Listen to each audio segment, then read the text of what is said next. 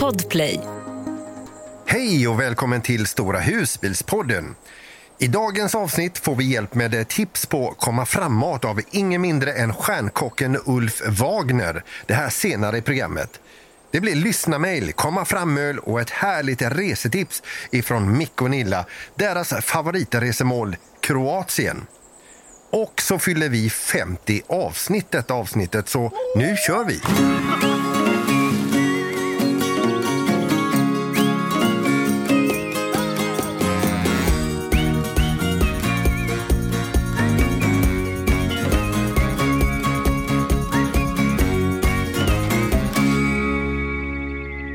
Då får jag nästan öppna med att säga att vi fyller 50 avsnitt idag, detta avsnittet. Oh, Det är stort. Wow! Ja. Wow, ja. Jag har inte tröttnat på varandra alls. Inte vad vi säger i alla fall. När vi har stängt av micken så låter det lite annorlunda. Nej, men så, och så ska vi säga det att om två avsnitt ungefär så fyller vi ett år. Ja, Precis. Nu har vi hållit Det är på med podden det är i ett häftigt. år. Ja, Det är roligt. Mycket att fira. ja, precis. Ja, det är roligt. Vem vet, då kanske vi sitter alla tillsammans och firar. Det hade ju varit jättekul ju. Det vore ju jättekul. Ja, Ja, för om vi börjar med er då, Jeanette och Robban, ni är på väg hem till Sverige. så är det. Vi fick eh, ett samtal från familjen hemma och de behöver oss hemma. Så då kände vi att nej, men då klart att nu, då vänder vi. Ja, Kanske vi planerar en ny resa så fort vi kommer hem, vem vet? ja vem vet. Nej, Om men ett vad- annat så ska vi resa med mycket hemma. Eh, Vi ska träffa andra trevliga husbilsmänniskor. Jag har köpt en överraskning som vi kanske ska dela på. Oj. Oj då! Alltså vi har upplevt precis så mycket som vi verkligen har drömt om innan vi åkte ut. Det här med att både frikampa, vi gjorde en bonfire en kväll precis vid stranden och stod helt själva där. Magiska ögonblick alltså. Helt fantastiskt. Så att, eh, vi har verkligen upplevt så mycket olika Ja, vi har- spännande platser. Och, Vi har upplevt det vi har velat se, så vi har inte missat någonting. För det här sista nu, här, den resan har vi ju gjort en gång. Så det var liksom alla de här roliga grejerna, eller nya grejerna, har vi verkligen fått se och uppleva. Så det känns jättebra. För Det var ju inte jättelänge sedan jag frågade er om ni redan hade liksom börjat planera efter eh, Sverige-hemkomsten, planera nästa eh, resa. Och det kanske var en konstig fråga, för jag kommer att tänka på det. Det är ju lite grann som om man är nyäten och ska, ska gå och handla sen för nästkommande middagar. Då har man ju inte lust att tänka på dem riktigt om Nej. man är mätt. Man går i mataffären. Men ni har det ändå alltså redan planerat. Vi är inte trötta, vi är absolut inte trötta på detta. Det finns eh, mycket kvar att se. ja, vi har nog båda, vi har nog sagt till oss båda två och, man har, och vi har liksom resonerat själva var och en då att jag har tänkt att gud, jag vill verkligen ut igen. Och kanske mer att man har klurat ut då vilken period som man kanske tror att man skulle trivas i att åka ut hemifrån Sverige igen då, om man säger ner i Europa. Eh, och det är nog, då kom vi fram till båda två att vi tänkte precis samma. Ja, den här perioden, i och med att vi stack iväg i februari, så eh, klockrent. Eh, Möta våren möta våren. där. Och sen när man kommer hemåt så kommer hem till sommar och, Ja. och vår här, eller i Sverige. Men nu ska vi inte säga för mycket. Vi vet inte vad som Nej. händer. Utan eh, huvudet spinner och vi är snart hemma. Ja, ni är så välkomna så. Tack så Eh, mycket. Det ska bli så Ja. kul. Och Micke och Nilla, ni är i dåligt skick idag. Ja, är lite halvsega är Man är lite trött. Vi var uppe länge igår. Var väl Party. Ja, berätta, vad, vad hände igår? Vad hände igår? Nej, vi firade två 50-åringar. Ja, det var en hel dag eh, på en camping i Falkenberg. De kommer från Halmstad då. Och så var vi och spelade frisbeegolf. Det hade inte någon gjort innan, så det var jättekul. Eh, på Ja, Vallarna. visst är det. Hur gick det, eh, Gunilla? Vi, vi pratar inte om det. Nej, Utan vi gick kan gå vidare. vi kan gå vidare på... Sen då så hade vi ett sånt här mod. Eh, vi, eh, det är ju en lek då man köper ett, eh, en mordgåta eller vad man ska säga. Så ska man klä ut sig till olika och så får man manus vad man ska göra och säga och sånt där. Och sen är det då en som dör. Och sen är det då den som dör blir kommissarie och ska reda ut detta mordet då. Så Ja. att det var skitkul var det. Men var ni verkligen i skick att lösa ett, en mordgåta igår? Nej, det var ingen som klarade. Jo, det var det faktiskt. Nej, det var nog någon som Men det var hon bara ja. gissade. Så att, eh, Nej, det var inte så lätt att gissa ut det faktiskt. Men sen var vi på en eh, ny ställplats i stan här eh, i fredags kväll. Stan och i stan kanske man inte kan säga. Ja, i kommunen. I Då. Falkenbergs kommun, södra Falkenberg, ner, Ja. ner mot uh, Ringsegård, lite söderut. Mm.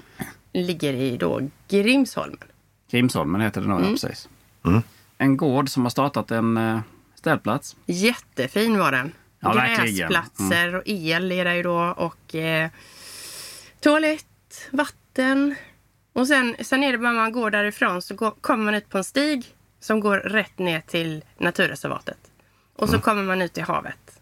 Oj. sen kan man även gå bara en bit bort så kommer man till Smörkullen heter den. Det är sån här utflyktsplats. Rätt, eh, 52 meter högt berg eller vad man ska kalla det. Jättehärlig utsikt Eh, där uppe. världens utsikt där uppe då. Ja. Så att eh, riktigt sånt guldläge som man tycker man är ute och går och sånt där. Det är ju en bit till stan. Men eh, alltid vill man ju kanske inte till en stad. Så det är kul. Så att, eh, de lär få fullt i sommar kan jag säga. Det tror jag med. Tyvärr bara nio platser, men vem vet, går det riktigt bra så söker de kanske bygglov om fler platser då. Det finns ju plats i alla fall. Ja, de har de har redan funderat på det. Det hade ju lätt gått in eh, 30 bilar om man hade velat det. Mm. så att det är gott om plats. Du då Peter, vad har du hittat på? Ja, jag har inte varit ute och rullat någonting. Jag är ju, alltså, eh, jag är ju eh, poddens svarta får här.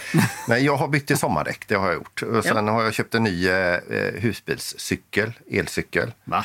Eh, det har jag gjort. Eh, och sen ska jag besiktiga husbilen imorgon. Och så blir det Apelviken nästa helg. Det, det, det, ja. Men sen så är det också så att jag, jag vet inte om Mick, som Micke och Nilla, om ni känner igen det här, att jag, jag, jag har ju beställt en ny husbil. Och jag, eh, jag är helt snurrig i huvudet inför sommaren i och med att eh, den kommer i sommar. Så, så, eh, så jag, jag, tänk, alltså jag har ju den här husbilen, vi ska ju ut med denna vi har. Men samtidigt vet jag inte när vi får den nya husbilen. Och jag vet ju att vi ska rulla i denna husbilen vi har, men jag tänker ju hela tiden på den nya. Hade ni det lite så också, Micke och Nilla, när ni... Ja, ja, herregud. Ja, men så var det ju. Men det var ju bestämt och så säger de att ja, den borde ha kommit redan, säger de. Men den är lite försenad och då, då tror man den kommer nästa vecka ju. Hela tiden nästa vecka. Nej, det är nog nästa vecka. Det är nog nästa vecka. Det är nog nä- och så går man och väntar och väntar och väntar. Alltså, man taggar ner lite grann på åkandet med den gamla man har ju. Eller man känner... Alltså det som du, du åker inte längre än till Appelviken kanske. Jag menar, den kanske kommer så du måste hinna hem. Alltså det är Ja, dumt ja, men att det- ta för långt ju. Ja. Men, men, ja, ja, men det, man, man är ju helt snurrig i huvudet och det är ju, alltså, det är ju verkligen ett lyxproblem. Alltså, men, men man är snurrig. Va? Ja. Men man längtar ju och planerar kan jag tänka mig vad, hur man ska, vad man ska packa in och vad man vill ha med sig och lite nya grejer. Och... Hur, hur du vill inreda den Peter? Ja, Nej, nej jag, jag har inte ens kommit så långt utan jag... eh, Vad tänker du på då? Är det prylar, cyklar och attiraljer till? Nej, jag vet, det enda jag tänker på det är om det är den jag kör eller jag kör den som jag har nu. Eh, Det, jag, jag, jag tänker inte så mycket. Det är det jag är mest känd det är för. de två sakerna som bara...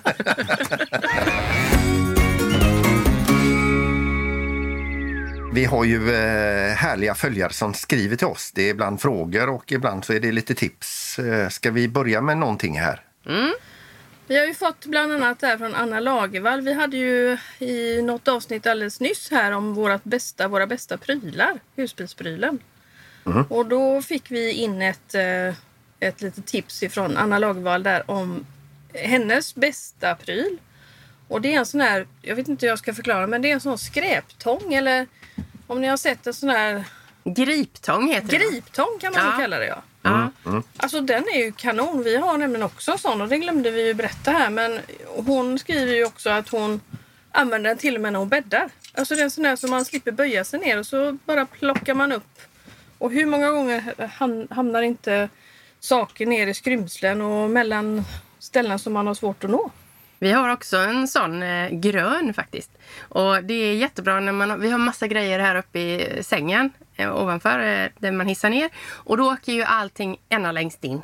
Det man Sen kan du ha den till att ta på dig sockarna också med, om du har lite ont i ryggen. eller- Ja. Ja, men du Ja, ser, det är ju liksom sån här mult, Ja. den bästa prylen man Ja, kan det- ha. Men jag tycker Ja. den är grym även för vi har ju dubbelgolv så jag menar genomgång. Jag når ju inte men då tar jag ju den och så Ja, Det är fint. kanon. Ja, Den tycker jag alla husbilsägare ska ha en sån i husbilen. Det är en perfekt Ja, för, för, första tanken är ju seniorboende, alltså, men den är ju väldigt, den är ju väldigt praktisk. Alltså, för att det är ju inte, när man sitter där man sitter, det är ju inte alltid jättemycket plats. Det är gött att slänga ner den och så. Ja, men vi kommer ju Bra. dit vi också. Även om man har lite huvudvärk ibland och det är jobbigt att ta på sig sockarna som du sa Micke där så, Ja. så kan man ju slippa böja på, på kroppen.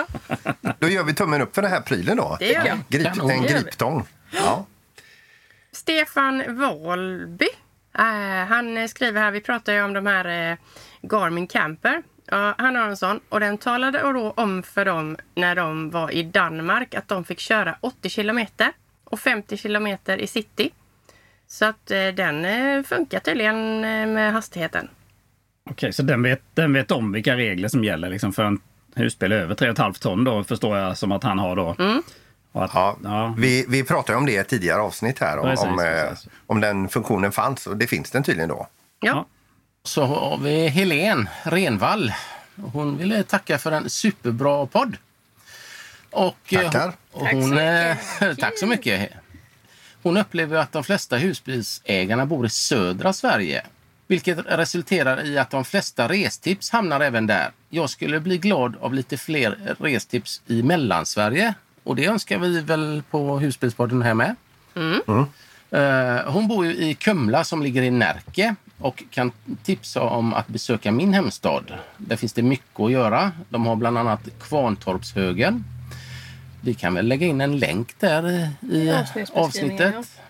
Där finns ställplatser, eller så bor man på campingen inne i Kumla. Bredvid ett badhus med äventyrsbad och utomhuspooler. Ni pratade även om vad husbilen betyder för er. Men hon älskar sin husbil men har fortfarande lite rädsla för den. Och det kan man väl känna igen sig i kanske. Att den ska gå sönder, ja. Ja, att den kan gå sönder, att det är någonting som ska hända och ja. Och det tror jag många känner igen sig i lite. Man är lite sådär att eh, oj vad var det och vad var det och åh nu lät det något, nu knakar det där och Nej, men det är väl så med husbilen att det, det, det, det, saker och ting går ju sönder. Det är ju bara eh, att förvänta sig det. Det. Det man inte vill höra det är det här, eh, ett knak eh, när- om man backar in i en typ en gren eller eh, en annan eh, husbil. ja. nej verkligen Ja, inte. det är inte roligt. Eh, Micke räddade ju mig eh, nere i Småland. Jag höll på att backa in på en eh, plats där. Då var det en torr gren från ett eh, träd som hade spetsat hela akterspegeln på, herregud. på husbilen om inte Micke hade tjoat till så att säga. Mm. Den gick vi in och sa till om sen. Ja visst, de hade, de fick, fick de såga ner. Men det gjorde de nog. Ja. Det är lurigt att ha en sån på en ställplats. Så man backar en husbil så. ja, men den var ju vass dessutom. Ja, ja, den har gått in. eh, Vad var det? du- Du berättade väl om det du tänkte du kunde ha den och hänga upp grejer på inne i husbilen? Ja, men, ja, men vart som klädhängare Du blev klädhängare in i, där bak, i, i sovavdelningen där. och så går man och går och lägger sig. Ja, Herregud, Susanne, den här var inte här förut. Men vad praktiskt alltså. Ja. men, men eh, vi förstår den här rädslan att eh, saker och ting eh, kan gå sönder. Det vill man ju verkligen inte. Och speciellt inte kanske om man är långt iväg och saker och ting. Men jag menar, Jeanette och Robban, ni hade ju lite strul nu på er resa ner. Och det var inte första gången. Nej, man Nej. får, Varit med om lite grejer. Det löser det. Men ma- man får bara ta det lugnt. Bra tips Ja. att ha silvertejp, mycket silvertejp med sig. Ja, det är toppen. Jo, men sen nämner hon ju också där att hon vill ju ha, eh, gärna ha tips från oss på eh, restips uppe i eh, norra delarna av Sverige, mellersta och norra. Och vi är ju här nerifrån och åker ju här och därför blir det mycket tips här nerifrån från det vi har åkt runt på. Eh, men vi, vi ser ju gärna att ni som lyssnar skickar in era tips till oss. Fortsätt med det. Fortsätt att skicka in tips. Och försöker inte vi... bara som sagt en plats utan, eller en camping eller något utan Nej, måla upp bilden hur det ser ut och vad man kan göra. precis. Ja, och eh, eventuellt skicka med ert telefonnummer så kanske vi ringer upp. Det Och kan så man, får man eh, lägga ut texten själv om eh, en fin plats. Mm. Det var ju en varit idé. kul. Mm, Det hade varit jättekul. Sen har vi från eh, Per Näsström också, för vi pratade om Klarna-kortet, att det var så himla bra när man är ute och reser nere i, i, i Europa. Eh, han har en annan eh, erfarenhet utav det här då. Det la av för hans del efter, eh, efter fyra månader och han ringde support och fick inte igång det här Klarna-kortet. Så han vill säga det, det är inte alltid det funkar och hans eget Klarna-kort har gått i papperskorgen. Ja. Nej, men jag sa väl också det att det är faktiskt så. Ta med ett kort extra. Ha två kort eller gärna tre olika kort. I alla fall två. För det kan Ja. hända så att, de går, att det händer någonting.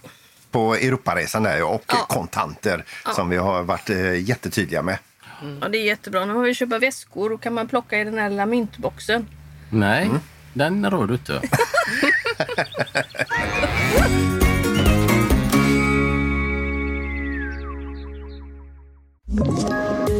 Poddtips från Podplay. I podden Något Kaiko garanterar östgötarna Brutti och jag, Davva, dig en stor dos skratt. Där följer jag pladask för köttätandet igen. Man är lite som en jävla vampyr. Man har fått lite blodsmak och då måste man ha mer. Udda spaningar, fängslande anekdoter och en och annan arg rant. Jag måste ha mitt kaffe på morgonen för annars är jag ingen trevlig människa. Då är du ingen trevlig människa, punkt. Något Kaiko, hör du på Podplay. Därför är Jag tänkte att vi skulle komma fram till eh, dagens första ämne och det gäller ju våra bästa husbilsminnen. Vill eh, Micke och Nilla börja där? Vi har ju ett minne som vi aldrig kommer glömma och det är när vi kom ner till Kroatien, Camping Simuni på Pag. Och den här fina, fina platsen vi hade. Och när man, vi hade ju sett den platsen, för vi hade stått på den här campingen innan på en sämre Två plats. år innan var det. Mm. Ja, två år innan. Och så gick vi förbi och tittade. Jag vet, det stod ett par italienare på den platsen. Jag bara tänkte, vilka lyckos! Ja, Ja, alltså de stod så grant där. Man tänkte bara herregud. Vi, vi, vi gick upp till receptionen och sa vi vill ha den platsen. Eh, Nästa När år? är den ledig de här perioderna vi kan? Nej, inte nästa utan det tog två år. Sen Mm. var den ledig. Och då bokade vi på studs där.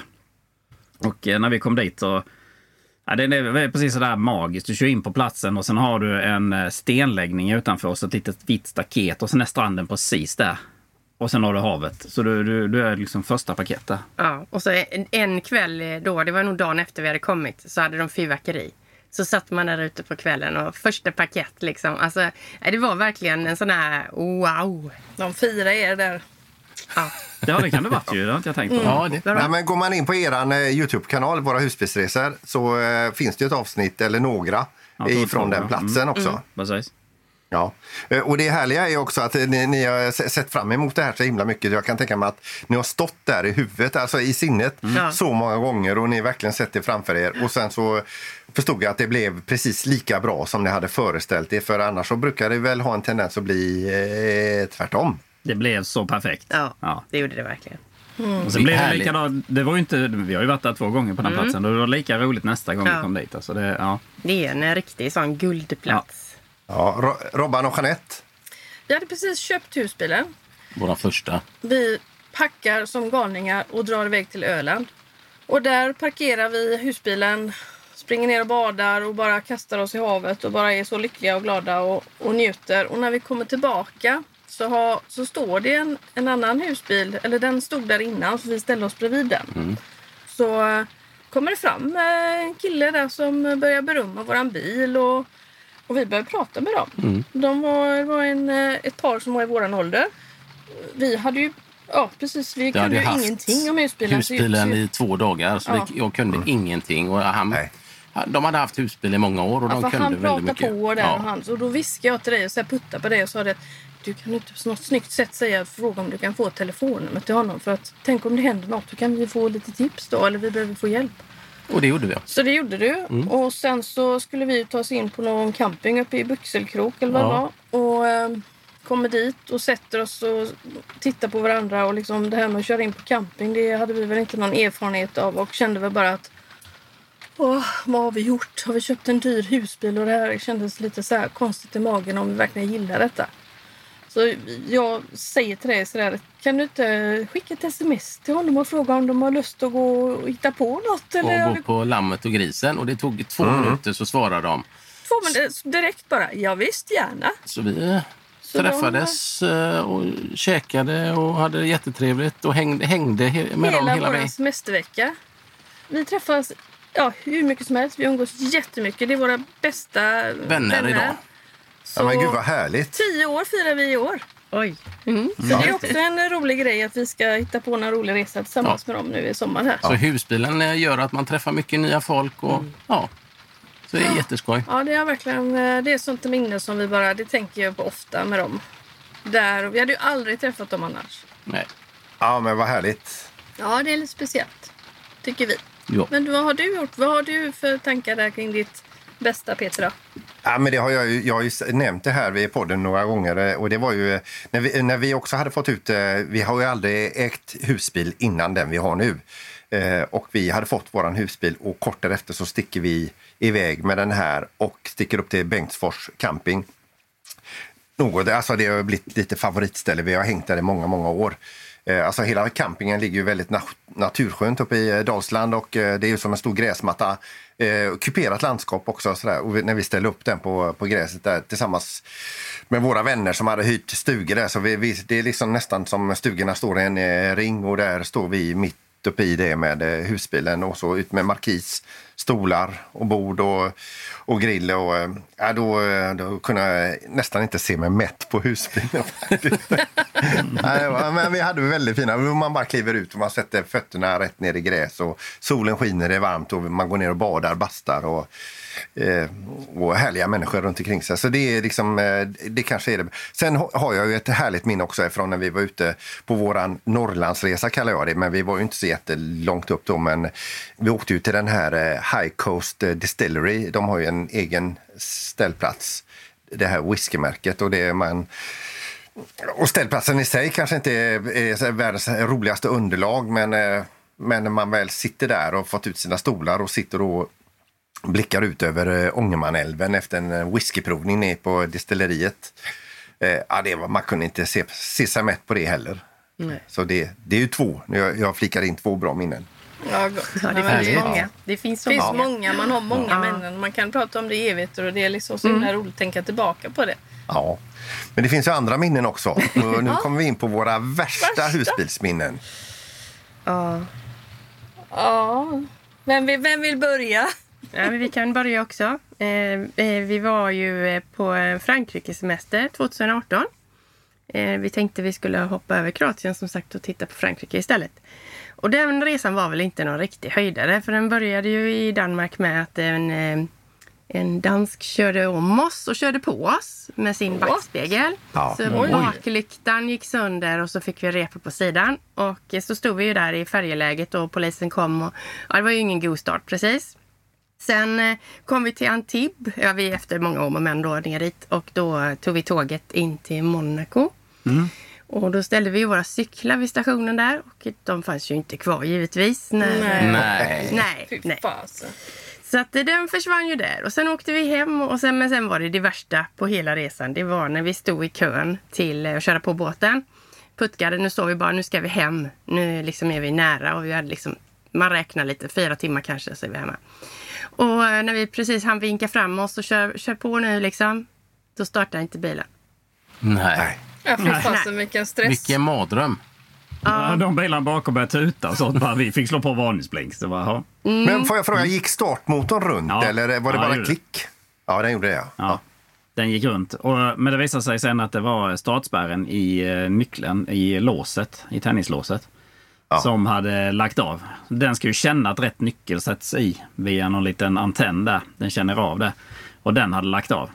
Så att eh, det var startspärren helt enkelt. För efter ett tag när jag suttit och hållit på där så såg jag på instrumenteringen att det var ett hänglås som lös på instrumenteringen. Då. Men vi satt där rätt länge. Ja, jag Och vi visste. hade Försökte, vi försökte till ja, vi slut. hade batteriet blev sämre och sämre. Bara, Vi ringde ju bärgare också så vi satt och Ja. väntade på den till slut. Men sen så fick vi igång den då och så körde vi ju Ja. på båten. Bara så här yes, nu är vi på båten.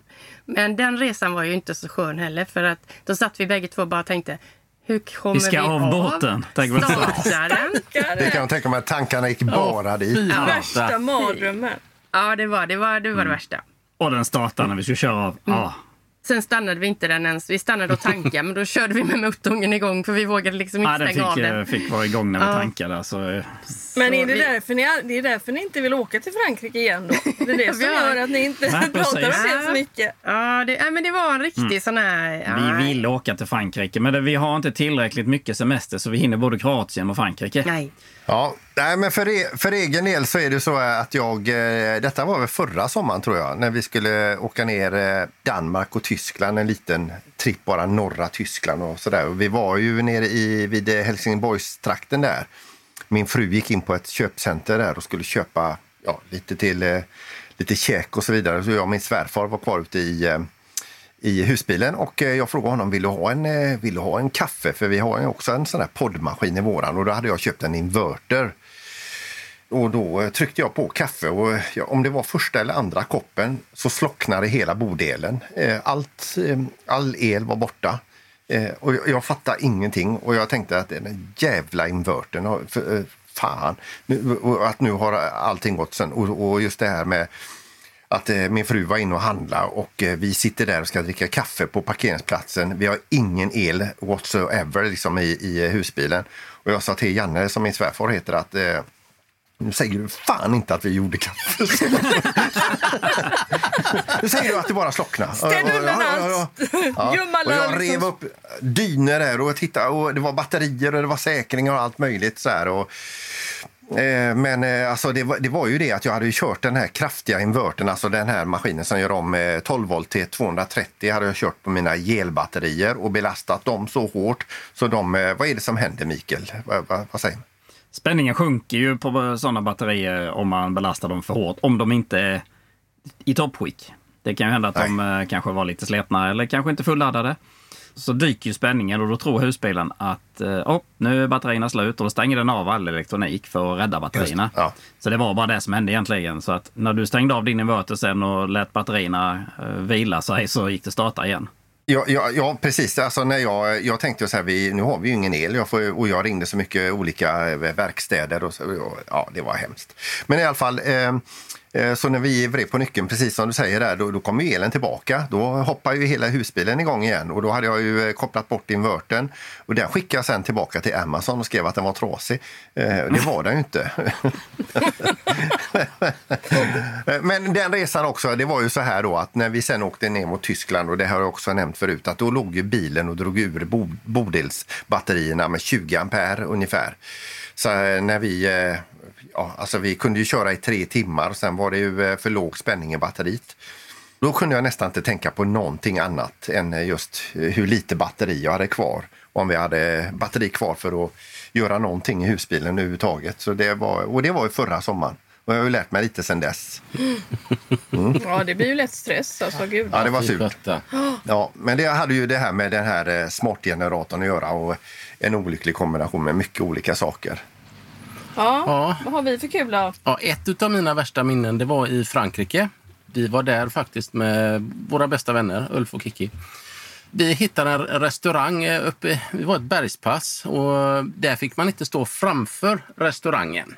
Eh, utan då fick du köra mellan två stenhus lite längre ner och ställa sig inne på gården för att parkera för att gå in på den här restaurangen.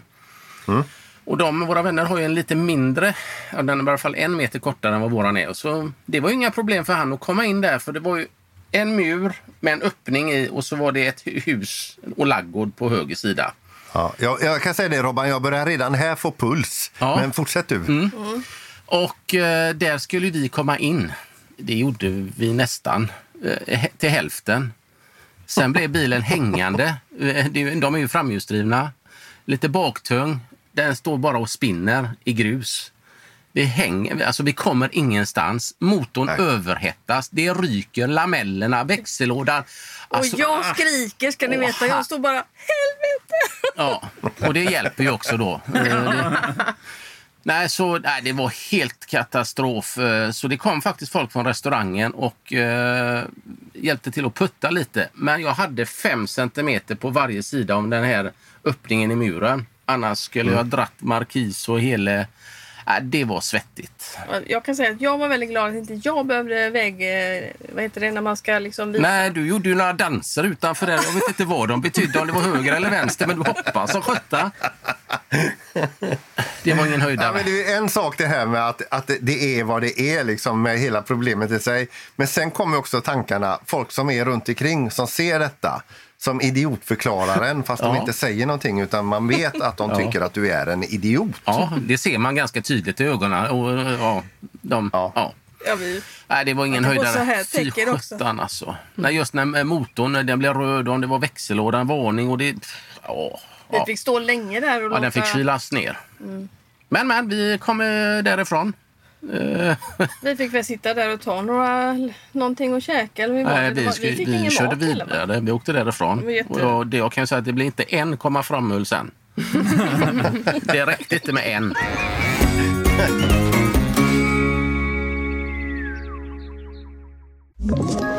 Ett poddtips från Podplay.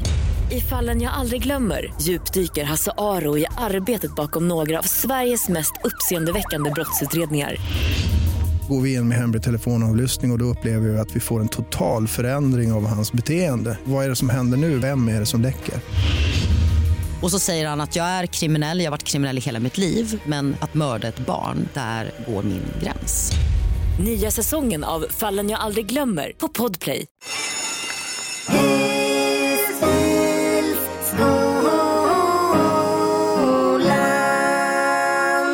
Husbilsskolan. Ja, idag eh, har faktiskt eh, Nilla valt ämne. Ja, Ja. det har vi. Ja. Så att eh, du, du skulle nästan kunna börja och berätta och sen kan jag fylla på här lite med, med grejer. Det här gäller alltså elstolpar och elkablar. ja, för el är ju så roligt tänkte jag. Ja, det är jätteroligt. Ja, nej men alltså jag, jag måste ju, jag, jag vill ju veta lite mer. Eller det vill jag ju egentligen inte, men i alla fall. Eh, man, man ska ju hålla koll på lite saker när man kommer till en camping ju. Ja, Hur mycket ampere det är i stolpen. Till exempel har jag hört så säger du, är det 10 ampere eller är det 16 ampere? mm. Vad- eller i värsta fall är det 6 ampere har vi också varit med om. Det, Ja, mm. men vad, vad betyder det då? Nej, men då vet man ju inte. Ja, Det säger ju inte mig ett skit egentligen. Kunde det inte bara stått hur många watt kan du belasta stolpen med innan säkringen går? För det är ju det det handlar om egentligen. För desto mer effekt du tar ut, desto högre blir strömmen och sen smäller säkringen vid 10 ampere till exempel, så går ju säkringen. Och för att du ska veta hur, eh, hur mycket kan du belasta stolpen eller eluttaget med när det står 10 ampere så tar du 10 gånger 230 volt så får du 2300 watt. Och då vet man det. 2300 watt kan eh, klara det innan säkringen löser. Och då får man ju bara anpassa sig efter det och ställa ner pannan kanske till Många gånger så kör jag på 2 kilowatt, alltså 2000 watt på pannan ändå. Så har man lite marginal där, 300 watt, lite till kylskåp, kanske ja, lite elektronik och laddning och så. Så klarar det ju. Men ska du då sätta på en kaffekokare också samtidigt kanske, då, då går En inte det. airfryer. Eller airfryer eller Då sånt. sänkte Ja. vi ju. Sen finns det ju ja, eh, automatik sånt här, men inte i våran bil. Då. då ställer vi ner på panelen till eh, 1000 watt istället på värmaren och kör en airfryer under tiden. Så är det. Ja, men det är ju jättebra. Det här hade jag ingen aning om. Nej, men det är ju därför du får vara med här på, detta, på Husbyskolan, Peter. Ja. Vi Vi vet ju detta. Men sen så är det en grej till då som jag tänker på den här. Du, nu vet vi ju då 10, 16 ampere och 6 ampere då. Men sen så vet jag vi var på något ställe. Så hade vi, det var i Volendam. Då hade vi ingen el i stolpen. Det var ingen. När vi satte i, Nej. i sladden Nej. eller kabeln så fick vi ingen el. Så gick ju du där och vela och titta och leta efter någonting. Precis, det är ju så att vi, vissa ställplatser och så har bara ett uttag på platsen. Och så sitter säkringsskåpet någon helt annanstans. Så att jag, jag sprang runt där på hela den här ställplatsen och tittade på varenda elskåp efter säkringar som har löst ut eller jordfelsbrytare då. Och till slut långt borta så hittade jag ett par stycken som jag bara fällde upp så här. Så sprang jag tillbaka igen och då var det ju ström i husbilen. Så att eh, det kan ju vara jordfelsbrytaren som har löst också. Nu vet jag inte om det var jordfelsbrytaren i detta fallet men eh, Men egentligen då 2300 watt på 10 ampere om du ska köra AC och lite grejer. Det är inte mycket. Nej, det är det inte ju. Nej. Men eh, det är klart, du kör ju inte värme i pannan samtidigt. Så en AC tar väl någonstans, vad, det är lite olika på olika modeller, mellan 1000 och 2000 watt kanske. Eh, någonstans där ju. Så det är lite ungefär samma som med pannan. Men man får tänka sig för om man ska köra kaffekokare eller airfryer eller en smörgåsgrill eller en svarv. Ja. Ja, men att, att det plockar på. Ja, men det gör det ju. Precis, precis. Hemma eh, funkar ju allting bara liksom. Ja, men, jo, men alltså det, det spontana är ju att man tänker liksom, eh, man jämför lite med hemma. Att man kopplar in och den, eh, det säger aldrig nej, mer eller mindre. Precis. Och, och sen kommer man då till en ställplats eller en campingplats. Man har el där, man kopplar på så tänker man då är det löst, då har vi el. Men man har alltså inte hur mycket el som helst. Man kan inte köra alla maskiner på en och samma gång på vissa stolpar. Nej. Precis. Har du en, eh, en stolpe med 16 ampere så, så klarar du det jättelänge. Då kan du köra värmen på 2000 watt och sen har du ju ytterligare 1600-1700 watt som du kan använda till annat. Då. Så det är bra. Och sen vad ska man mer tänka på Ja, men sen är det det där med sladden som jag brukar säga. Fast Eller det ju kabel, kabel kan man ju säga. Mm. Ja, man kan inte ha vilken som helst. Eller kan kan man ju, men det är inte så bra. Och vissa campingar får man inte ha vilken som helst. Nej, vi har ju varit på campingar där de, eh, där de kollar vilken kabel vi har innan vi kopplar in den. Ja, det var en Caravan Club Ja. eh, camping där de stod och tittade. Vi ska se vad ni har för elkabel först. De var väldigt noga. Så det ska ju vara en kabel med 2,5 kvadrat millimeters eh, ledare inuti.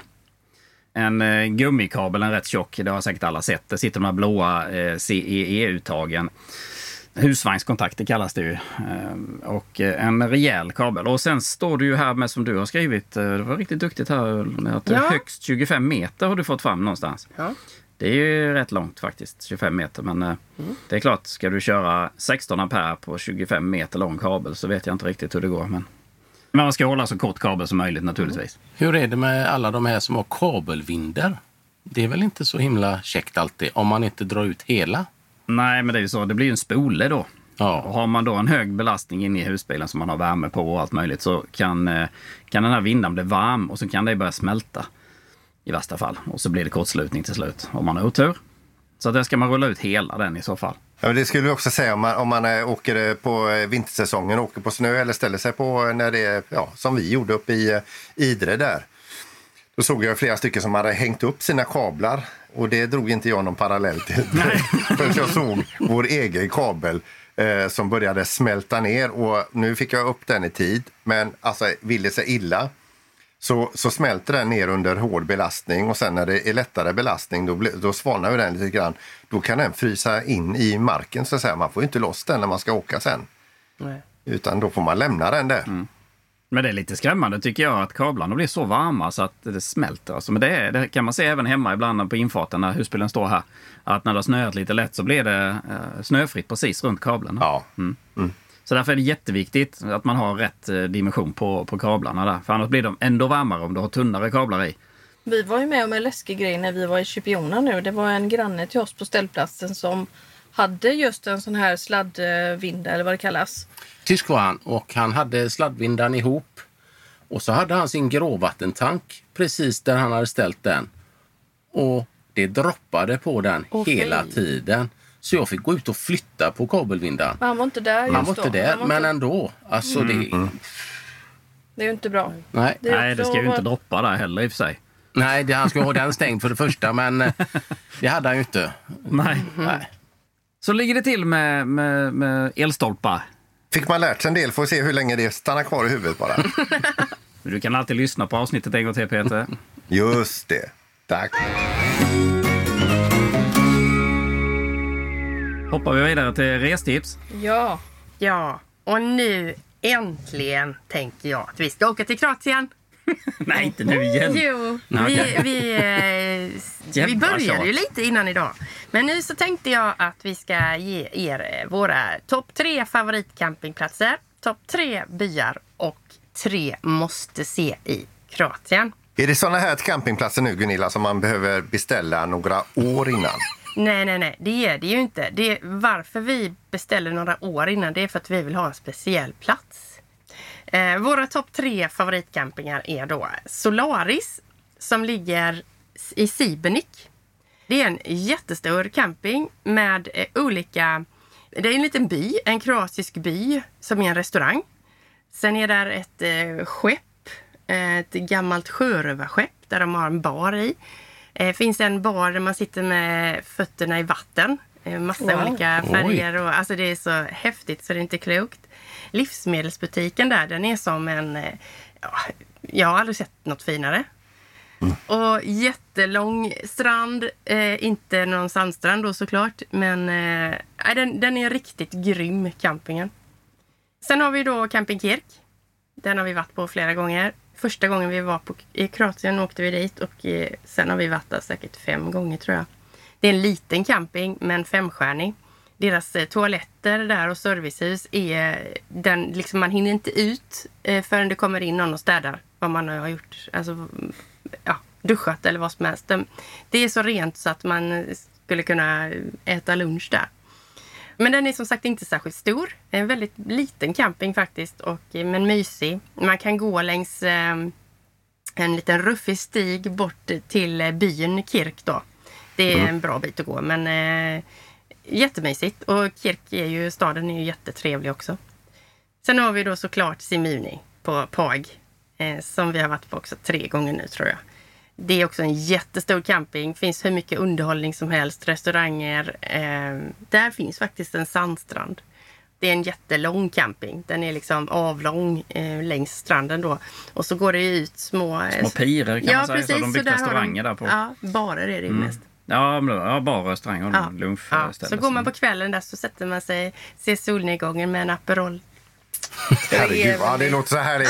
Ja, du, ja, du, du ser så glad ut Gunilla. Jag, Ja, jag sitter och tittar på ett kort just nu när vi det är därifrån faktiskt. Just det. Får man fråga prisläget på de här? Vad de kostar? ja, Solaris eh, är väl inte jätte, jättedyrt. Eh, Kirk är jätte, jättedyrt. Simune har också ökat priserna något så enormt. Men man kan få platser för 500 kronor natten lite längre in på campingen. De har ju det här fina tillägget First Row. Alltså, då får man ju betala lite mer då. Ja, och vad är lite mer?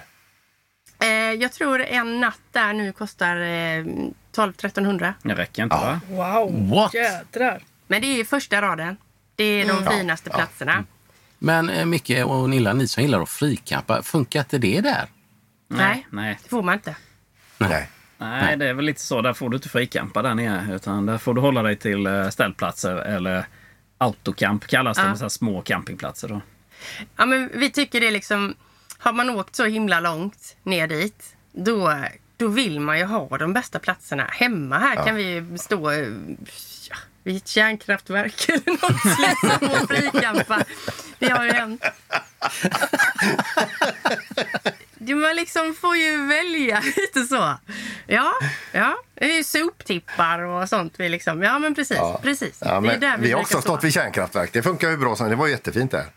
Ja, nej, sen så då om vi då går över till eh, byar i Kroatien så tycker vår, vi att de eh, tre bästa är Trogir, eh, ligger lite, Lite norr om Split. ja, Mm. och Rovinj, det ligger ju på Pulahalvön. Och Malil och Visst, ja. Sinj. Mm. Mm, det är en ö som ligger utanför Kirk, Kres. Sen kommer Malil och Sinj. Eh, jättemysiga. Alla är ju, det är ju som är, det är mycket eh, romerskt, eh, medeltidsbyar. De har mycket kvar ifrån den tiden. Så att eh, mar, alltså på gångarna i stan, det är liksom sådana här plattor som är eh, blanka från väldigt länge sedan. Länge tillbaka i tiden. Mm. Det. Mm, jättemysigt. Ja. Sen då, om man nu ska eh, åka och titta på saker som vi tycker man ska göra så är det definitivt Plitvice. Jag vet inte om jag uttalar det Plitvice, rätt. Plitvice Lakes. Det är ett natur... Eh, vad kallar man det? Naturreservat är det väl inte kanske? En, en ja. nationalpark är det. Nationalpark, ja. Mm. Ja. Fantastiskt fint. Alltså man går på gångar där inne. Och eh, upp och ner och hit och dit. Och där är vattenfall och där simmar fiskar. Och, alltså det är så fint så att man måste åka dit. Det finns en liknande park som heter eh, Kirka. Som ligger vid Sibernik. Också jättefin. Men inte i närheten av eh, denna. Sen även Omis eh, har vi varit. Det är en stad då. Där ligger berget precis bakom stranden. Och sen så är det delat i mitten så där, där rinner en, eh, en älv eller flod eller vad man ska kalla det. Och åker man upp där, det fanns turer man kunde få åka upp till en restaurang som heter Konoba Kremenko. Det är en eh, Flinta Flintstone eh, restaurang. Vi var tyvärr aldrig där men vi hörde flera stycken som sa att vi måste åka dit. Så att, eh, det får vi göra nästa gång helt enkelt. Så den ska man inte missa. Spännande. Sen då är det ju såklart den här Kirka nationalparken också. Där tog vi en båttur ifrån campingen vi bodde på då. Och det tog väl en timme ungefär som serverade lunch och sen så åkte man längs kusten och in där då. Eh, jättemysigt. Så båt ska man definitivt, någon båttur. Och slutligen får du ta den sista. Nej, varför tjatar vi så mycket om Kroatien hela tiden? Det är det enda vi har pratat om i varje avsnitt nästan. Men det är Ja. ju så här. Kristallklart vatten, man slipper sand mellan tårna, det är vädersäkert och turistvänligt. Ja. Och sen är det, det går rätt så okej att köra ner där. Alltså det är inte jättelångt.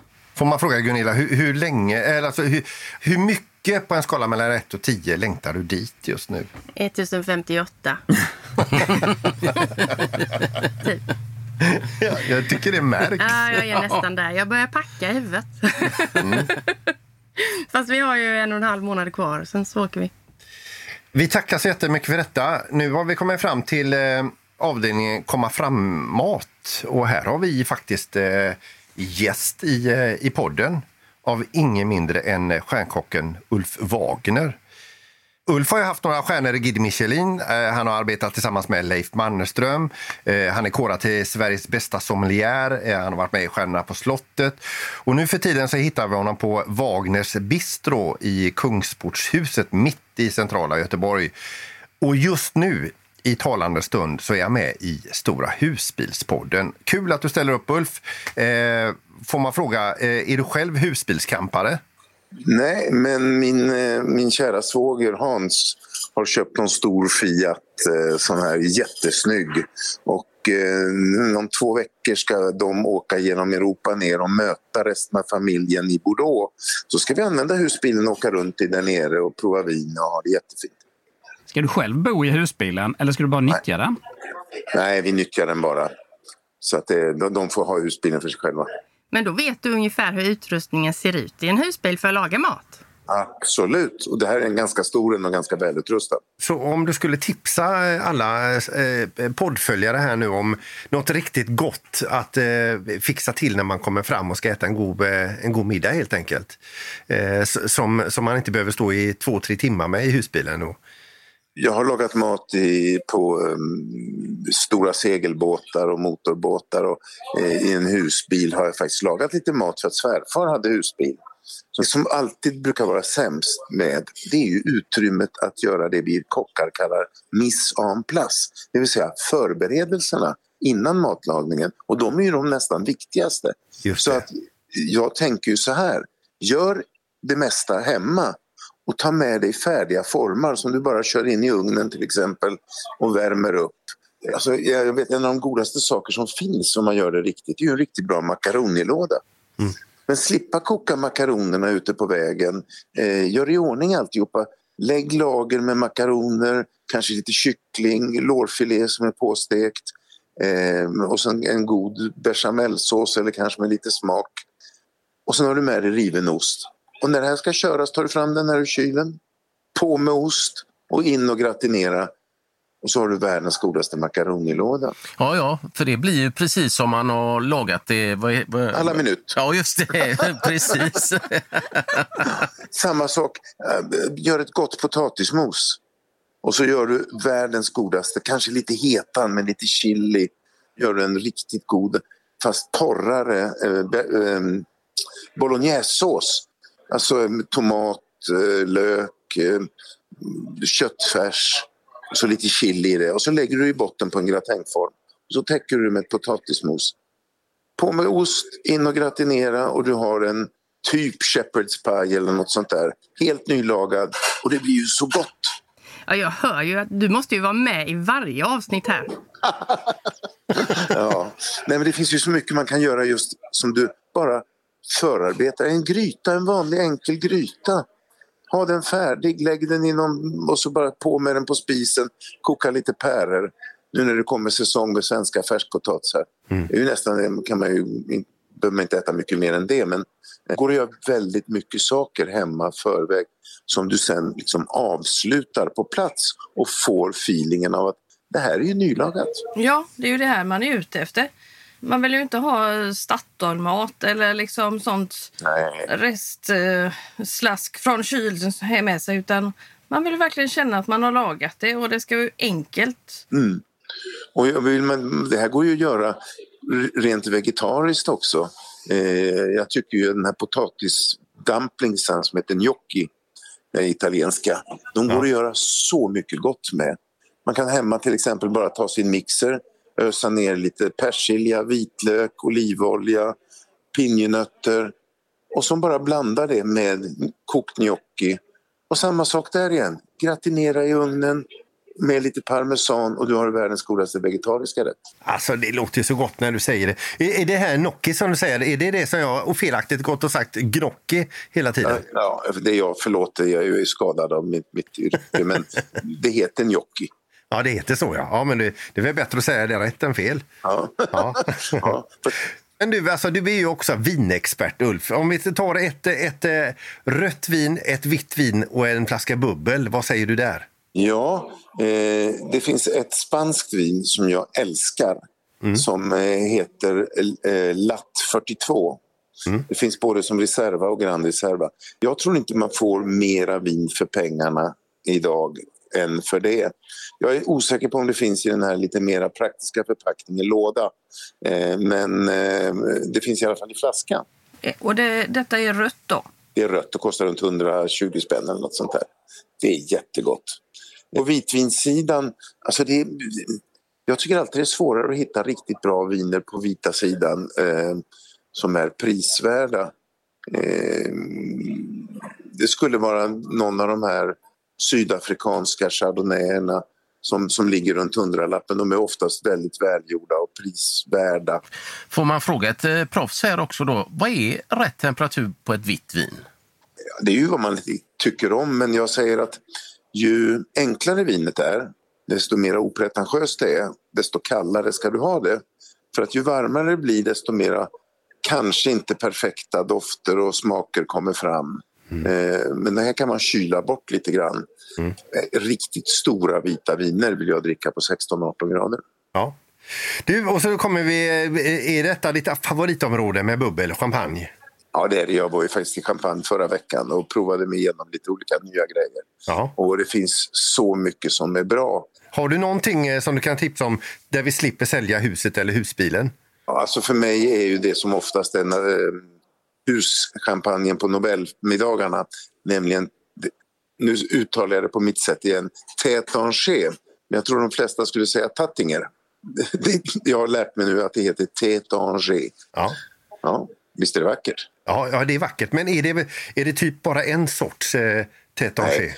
Tétanger finns då från deras eh, brut, deras torra, eh, hela vägen upp till det jag anser är världens bästa champagne, nämligen Comte champagne. Ja. Men då får man punga ut med 1850 kronor flaskan. Ja, det kan det kanske vara värt. Ja, om man ska fira någonting så finns det nästan inget godare att dricka än det. Ja. Men alltså underbart Ulf. Och eh, vi i Stora Husbilspodden, vi, eh, vi tackar dig med en eh, liten applåd här. Åh, tack snälla ni och eh, jag säger bara god resa. Hej då! Hej hej!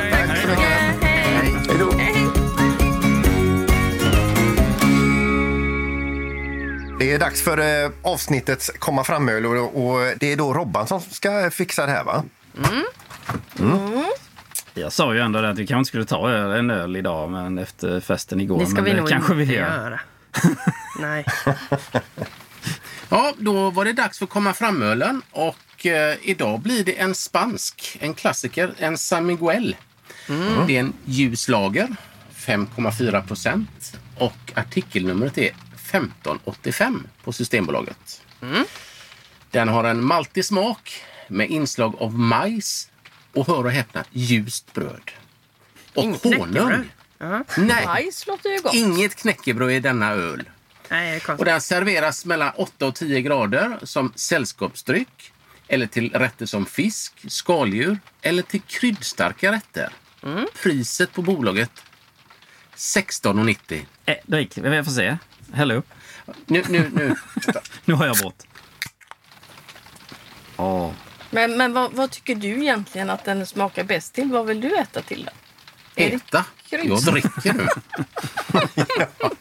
Men om du skulle äta Oj, oj. någonting Ja. Robban? Vad vill du ha? Grillat, eh, sallad, eh, vad, vad som helst. Tyst nu. Oj, oj, oj, den var efterlängtad ser vi. Oj, vad god han var. Och så det här det här glaset som har legat i frysen lite innan. Ah, det är Varsågod. fantastiskt. Ja. Tack älskling. Då tar vi med oss det. En, en god spansk öl. Jajamän. Ja. San Miguel. Ni kan prata, jag dricker. Vi är färdiga för den här gången Ja. och eh, vi ska runda av så att vi gör så att eh, Vi släpper väl handbromsen och sen så rullar vi iväg och så hörs vi om en vecka igen. Det gör vi. Det gör vi. Sköt om er nu och ha det så gött. Det är samma. detsamma. Hej